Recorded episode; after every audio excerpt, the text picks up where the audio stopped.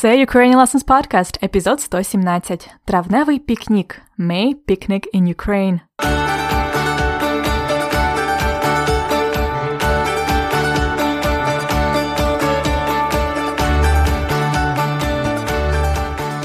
Добрий день, це Анна, ваша вчителька української, і ви слухаєте мій подкаст Уроки української. Подкаст для всіх, хто вивчає і любить українську мову. Зараз в Україні весна, травень. На початку травня ми маємо багато свят. На попередньому уроці ми говорили про Великдень і День праці. А завтра, 9 травня, буде День перемоги. Тому що навесні багато свят українці мають багато вихідних і відпочивають. Як саме вони відпочивають у травні? Про це ми і поговоримо сьогодні. Ви послухаєте розмову між Христиною і її українським хлопцем Юрком. Вони будуть організовувати пікнік. Також ви дізнаєтесь більше про типи складних речень в українській мові. І, звичайно, дієслово і фразеологізм дня. До роботи! So it's spring in Ukraine now. Весна. It is May. Травень. In early May we have many holidays. In the previous lesson we talked about Easter and Labor Day. Tomorrow, on the 9th of May, it will be the Victory Day, День перемоги. Ukrainians have many days off in May, so they've got a lot of free time. You will listen to the conversation between Christina and her Ukrainian boyfriend, Yurko. They will be organizing a picnic. Picnic. You will also learn more about the types of complex sentences in the Ukrainian language and, of course, the verb and idiom of the day. Let's get to work. До роботи! Минулого тижня українці святкували Великдень, а також День праці. Завтра День перемоги. Усе це державні свята. State holidays, public holidays. Державні свята. Свята на початку травня ми ще називаємо травневі свята або першотравневі свята. Ну, бо вони у травні. На першотравневі свята люди часто організовують пікнік, тому що погода гарна, світить сонце, тепло. Послухайте, будь ласка, як будуть організовувати пікнік Христина і її хлопець Юрко. У діалозі ви дізнаєтесь, що таке шашлики, кого вони запросять на пікнік, що вони візьмуть на пікнік, візьмуть, what will they take for the picnic, де буде пікнік, що таке шашлики, кого вони запросять на пікнік, що вони візьмуть на пікнік? І де буде пікнік. Слухайте і дізнайтеся відповіді на ці запитання. Знаєш, мені подобається працювати в Україні. У вас так багато вихідних. Ну так, всього десь 10 державних вихідних на рік. Але коли державне свято збігається зі звичайним вихідним, ну тобто з суботою чи неділею, державний вихідний переносять на понеділок. Ага, тепер зрозуміло, чому понеділок після Великодня вихідний.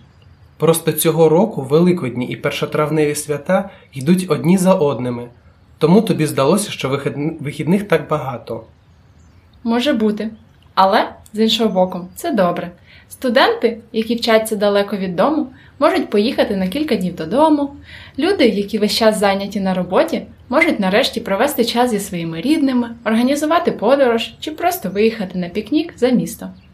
Отак. Шашлики на травневі свята це святе для українців. Шашлики? Що це? Це м'ясо, е, переважно свинина, яке смажать на відкритому вогні, а попередньо маринують його з різними спеціями, цибулею. Е, Ти ніколи не їла шашлики? Ще ні. Але це звучить як барбекю. І так, і ні. У шашликів своя естетика. Цікаво. Хм, у мене є ідея. Організуємо пікнік.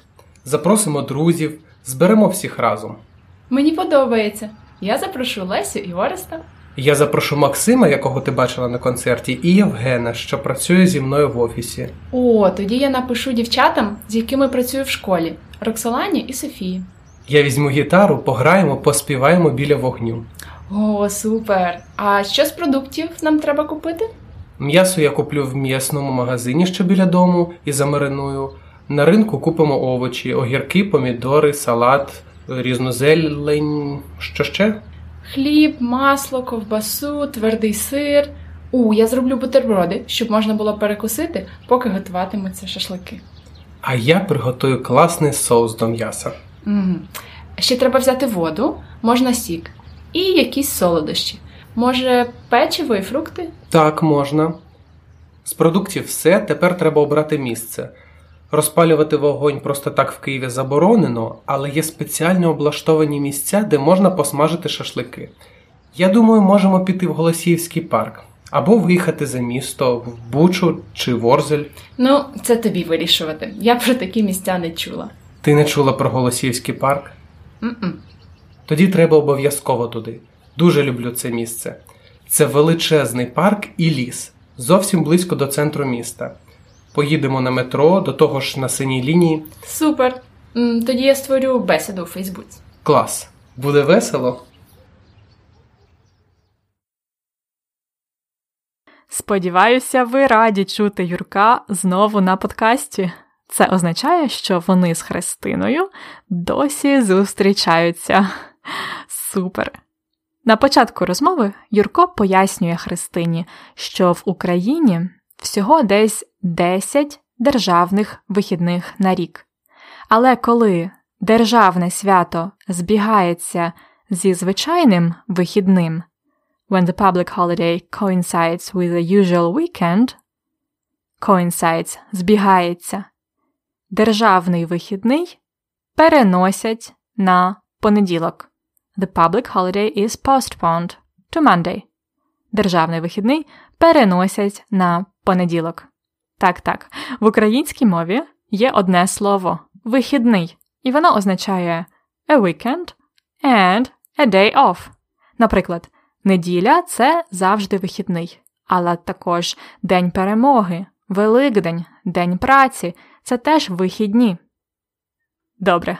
На День перемоги або на День праці люди в Україні часто їдять що? Шашлики. Шашлики it's a kind of barbecue in the post-Soviet countries. Що це таке? Шашлики. Юрко пояснює, що це м'ясо, переважно свинина, м'ясо, meat, mainly pork, переважна свинина, яке смажать на відкритому вогні, which is fried, смажать, на відкритому вогні, on the open fire. А попередньо його маринують, it's pre-marinated, попередньо маринують. Його маринують з різними спеціями, цибулею, with various spices, onion. You should Google шашлик to see how it looks. Отже, у Юрка є ідея організувати пікнік і приготувати шашлик. Кого вони хочуть запросити на пікнік? Юрко запросить Максима, якого Христина бачила на концерті, і Євгена, що працює з Юрком в офісі. А Христина запросить Лесю, Ореста, ви знаєте їх, а також дівчат, з якими вона працює в школі Роксолану і Софію. Це має бути весела компанія, особливо якщо Юрко візьме гітару, бо він і його друг музиканти, тому вони можуть гарно співати біля вогню. Вогонь fire біля вогню, near the fire. А що вони візьмуть на пікнік? Ну, звичайно, для шашликів їм потрібне буде м'ясо. Юрко купить м'ясо в м'ясному магазині, що біля дому, і замаринує його. Також Юрко приготує класний соус соус до м'яса. На ринку вони куплять овочі, огірки, помідори, салат, різну зелень. Христина пропонує взяти хліб, масло, butter, масло, ковбасу, сир, вона може зробити бутерброди, щоб можна було перекусити, поки готуватимуться шашлики. Перекусити to snack перекусити. Поки готуватимуться шашлики, while the shashlik is cooking, можна буде перекусити. They can snack. Що ще треба взяти? Воду, можливо, сік, juice, сік, і якісь солодощі, sweets, like печиво, cookies чи фрукти. Отже, ще раз, повний список продуктів: м'ясо, соус, хліб, масло, ковбаса, сир, огірки, помідори, салат, зелень, вода, сік, солодощі, наприклад, печиво, фрукти. Чудово! Список готовий. А тепер останнє питання: де буде пікнік?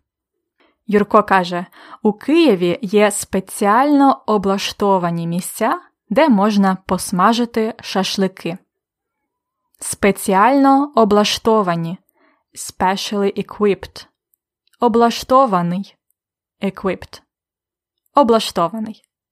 У Києві є спеціально облаштовані місця, де можна посмажити шашлики. Він пропонує Голосіївський парк або десь за містом out of town. Це може бути Буча чи Ворзель. Це маленькі містечка за Києвом. Христина ніколи не чула про такі місця. Юрко каже, що тоді треба обов'язково їхати в Голосіївський парк. До того ж, туди можна дуже швидко поїхати прямо на метро. Це синя лінія. Я колись жила біля цього парку. І наприкінці Христина каже: Тоді я створю бесіду у Фейсбуці. Then I will create a conversation on Facebook. Я створю бесіду у Фейсбуці. Бесіда синонім розмова або чат. Conversation. Бесіда. Ех, мені аж самій захотілося на пікнік. Як класно, що Христина і Юрко організовують щось разом. Вони така гарна пара. А зараз повторіть, будь ласка, за мною деякі нові слова уроку. Державні свята. Public holidays. Пікнік. A picnic. Шашлики. Soviet barbecue. Свинина. Pork. Маринувати. To marinate. Спеції. Spices. Синонім приправи. Вогонь. Fire. Соус. A sauce. Масло. Butter. Перекусити. To snack. Солодощі. Sweets. Everything sweet. Облаштований. Equipped. За містом. Out of town. Бесіда. A conversation. Синонім розмова. А тепер слухайте ще раз розмову або бесіду Юрка і Христинки. Готові? Знаєш, мені подобається працювати в Україні. У вас так багато вихідних. Ну так, всього десь 10 державних вихідних на рік. Але коли державне свято збігається зі звичайним вихідним, ну тобто з суботою чи неділею, державний вихідний переносять на понеділок. Ага, тепер зрозуміло, чому понеділок після Великодня вихідний. Просто цього року Великодні і першотравневі свята йдуть одні за одними. Тому тобі здалося, що вихідних так багато. Може бути. Але, з іншого боку, це добре.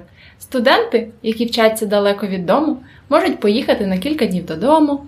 Люди, які весь час зайняті на роботі, можуть нарешті провести час зі своїми рідними, організувати подорож чи просто виїхати на пікнік за місто. Отак.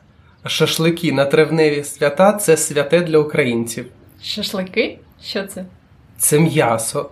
Е, переважно свинина, яке смажать на відкритому вогні, а попередньо маринують його з різними спеціями, цибулею. Е, ти ніколи не їла шашлики? Ще ні. Але це звучить як барбекю. І так, і ні. У шашликів своя естетика. Цікаво. Хм, У мене є ідея. Організуємо пікнік. Запросимо друзів, зберемо всіх разом. Мені подобається. Я запрошу Лесю і Ореста. Я запрошу Максима, якого ти бачила на концерті, і Євгена, що працює зі мною в офісі. О, тоді я напишу дівчатам, з якими працюю в школі Роксолані і Софії. Я візьму гітару, пограємо, поспіваємо біля вогню. О, супер! А що з продуктів нам треба купити? М'ясо я куплю в м'ясному магазині, що біля дому, і замариную. На ринку купимо овочі, огірки, помідори, салат, різну зелень. Що ще? Хліб, масло, ковбасу, твердий сир.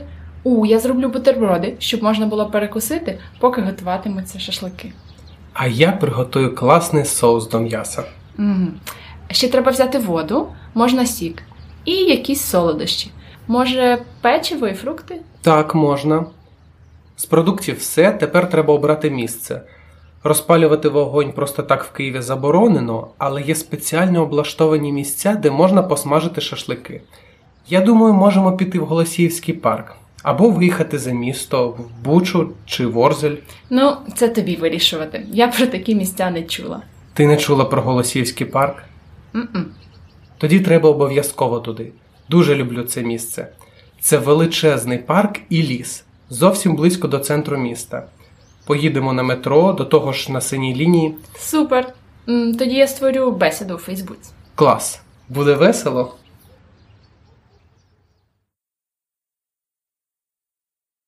In the previous podcast episode, I talked to you a little bit about the complex sentences, specifically about one group of those complex sentences with adverbial clauses, складнопідрядні, обставинні речення. I think you should know about the types of sentences in Ukrainian, not because you need to know their names or try to distinguish them like we have to do in high school, but it could be useful for you to see the range of possibilities you have in Ukrainian when you want to produce your own long statements, your complex sentences. Again, for the whole picture, please refer to your lesson notes or go to ukrainianlessons.com slash complex sentences to do some reading on this topic. And today I would like to show you some examples of another sentence type in Ukrainian complex sentences with attributive clauses. Складнопідрядні, означальні речення. Listen to the first example from the dialogue now. А що з продуктів нам треба купити? М'ясо я куплю в м'ясному магазині, що біля дому, і замариную. Христина питає: А що з продуктів нам треба купити? Юрко відповідає: М'ясо я куплю в м'ясному магазині, що біля дому.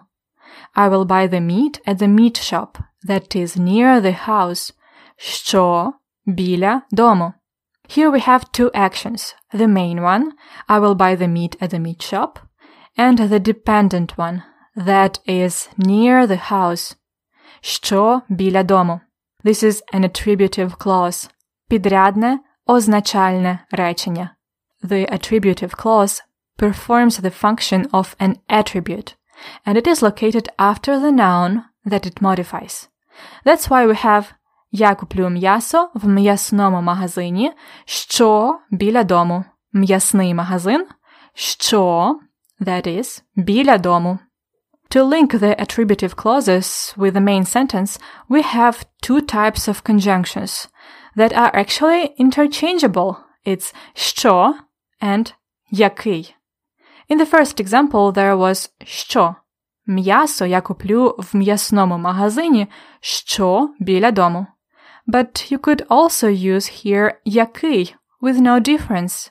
Я куплю м'ясо в м'ясному магазині, який біля дому. The same. Unlike що, який has one little complexity in it. It changes by genders and numbers too. So, we have to use який with masculine when the noun before is masculine. So that's why because м'ясний магазин, магазин is masculine, we use який. Я куплю м'ясо в м'ясному магазині, який біля дому. But there are also яка feminine, яке neuter, and які plural. Listen to the example of that from the dialogue. Це м'ясо, е, переважно свинина, яке смажать на відкритому вогні. Юрко пояснює, що таке шашлики. Він каже: це м'ясо, переважно свинина, яке смажать на відкритому вогні. It's meat, mainly pork, which is fried on an open fire. Яке? Чому яке? Тому що ми говоримо про м'ясо. М'ясо це середній рід, neuter, м'ясо яке. Це м'ясо, переважно свинина, яке смажать на відкритому вогні. Another example. Listen. Люди, які весь час зайняті на роботі, можуть нарешті провести час зі своїми рідними, організувати подорож. Люди, які весь час зайняті на роботі, можуть провести час зі своїми рідними. People who are busy at work can finally spend some time with their relatives. Люди, які plural. Again, you could also use що here. Люди, що весь час зайняті на роботі. But it's true that naturally we prefer to use який, яка, яке, які for people and що for things. But it's not a rule, like in English, who and that, who is only for people, right? In Ukraine, it's just a preference. We prefer to use який with people, but you can also use що. And pay attention that those conjunctive words, який, яка, яке, які, can be in different cases. So we can change them in cases, and we have to if we need. Have a listen. Я запрошу Максима, якого ти бачила на концерті, і Євгена, що працює зі мною в офісі. О, тоді я напишу дівчатам, з якими працюю в школі Роксолані і Софії. Я запрошу Максима, якого ти бачила на концерті. We use якого. It's the accusative of який. Бачити якого. Я запрошу Максима, якого ти бачила на концерті. І Євгена, що працює зі мною в офісі. Here Юрко just uses що. It's only one form. А Христина напише дівчатам, з якими вона працює в школі. Христина will write to the girls that she works with at school. З якими? З якими вона працює в школі. We use працювати з plus instrumental, орудний відмінок. That's why we have to put який in the instrumental. З якими with whom she works. З якими. Here you couldn't even use що because we have this preposition з. We have to use the instrumental. Христина напише дівчатам, з якими вона працює в школі. Отже, послухайте ще раз розповідь. Юрко купить м'ясо у магазині, що біля дому. Він приготує шашлики це м'ясо, яке маринують і смажать на вогні. Юрко запросить на пікнік Максима, якого Христина бачила на концерті, і Євгена, що працює з ним в офісі. А Христина напише дівчатам, з якими вона працює в школі. Класний буде пікнік, правда? And to get more practice of using those attributive clauses and changing the word який, go to the lesson notes of the today's episode. Дієслово дня. Навесні в Україні багато свят.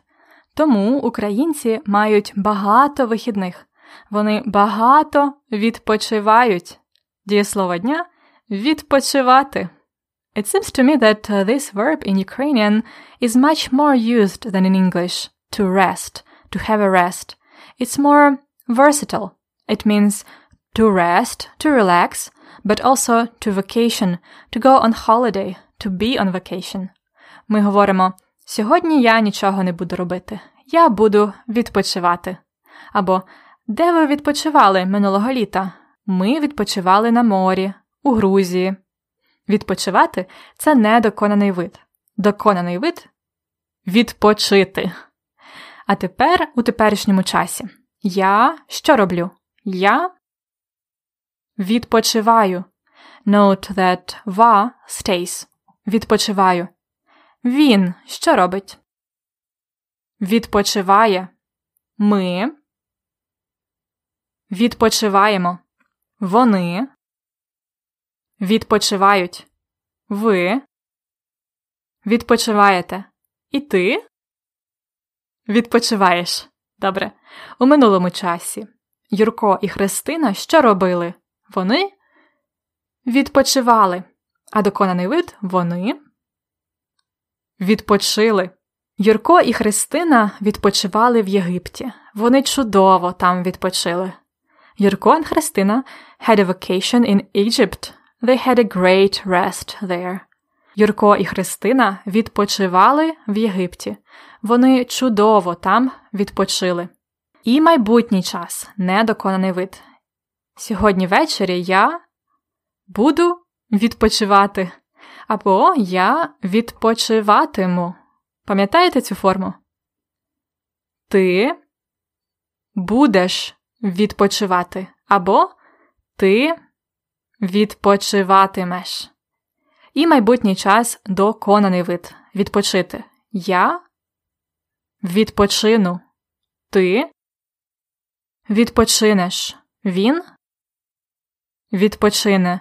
Ми відпочинемо.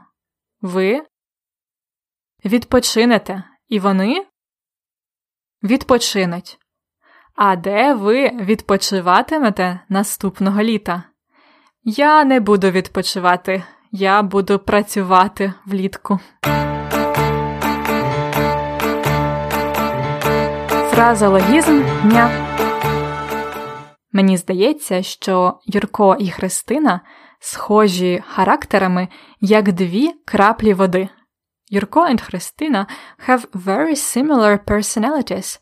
Вони схожі як дві краплі води.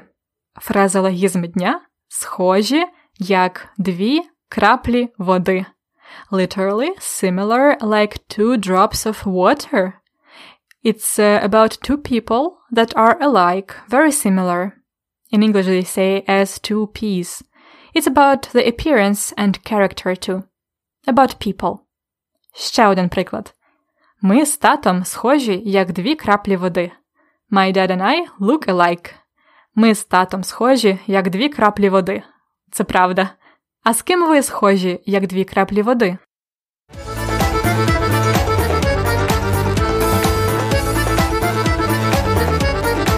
Культурний факт на подкасті. Let's talk more about травневі свята and their origin. Травневі свята, May holidays, are often called in Ukraine Mayivka, from the Russian name Mayovka. May is May in Russian. It's interesting that before 1917, Mayivka was the name of the illegal gathering of people with revolutionary ideas, typically presented as an innocent picnic. It was being held every 1st of May since the late 19th century in the pre-revolution Russia and Ukraine. Now, Mayivka in the post-Soviet countries means a gathering with your friends and family на природе, on the nature, cooking shashlyky, playing games, chilling, and for some people, drinking a lot of alcohol. That's how the Labor Day should look like, right? So come to Ukraine in early May to join your friends for picnics, try shashlyky, and get a lot of rest. Добре відпочити. Ласкаво просимо до України. І на цьому закінчується ще один епізод подкасту Уроки української. Це був епізод 117. А отже, лишається всього три епізоди третього сезону. Що буде далі з Христиною? Куди підуть її стосунки з Юрком? Чи повернеться вона до Сполучених Штатів? Сподіваюся, вас інтригує ця історія. Мене так. Слухайте наступного тижня нову розмову Христини.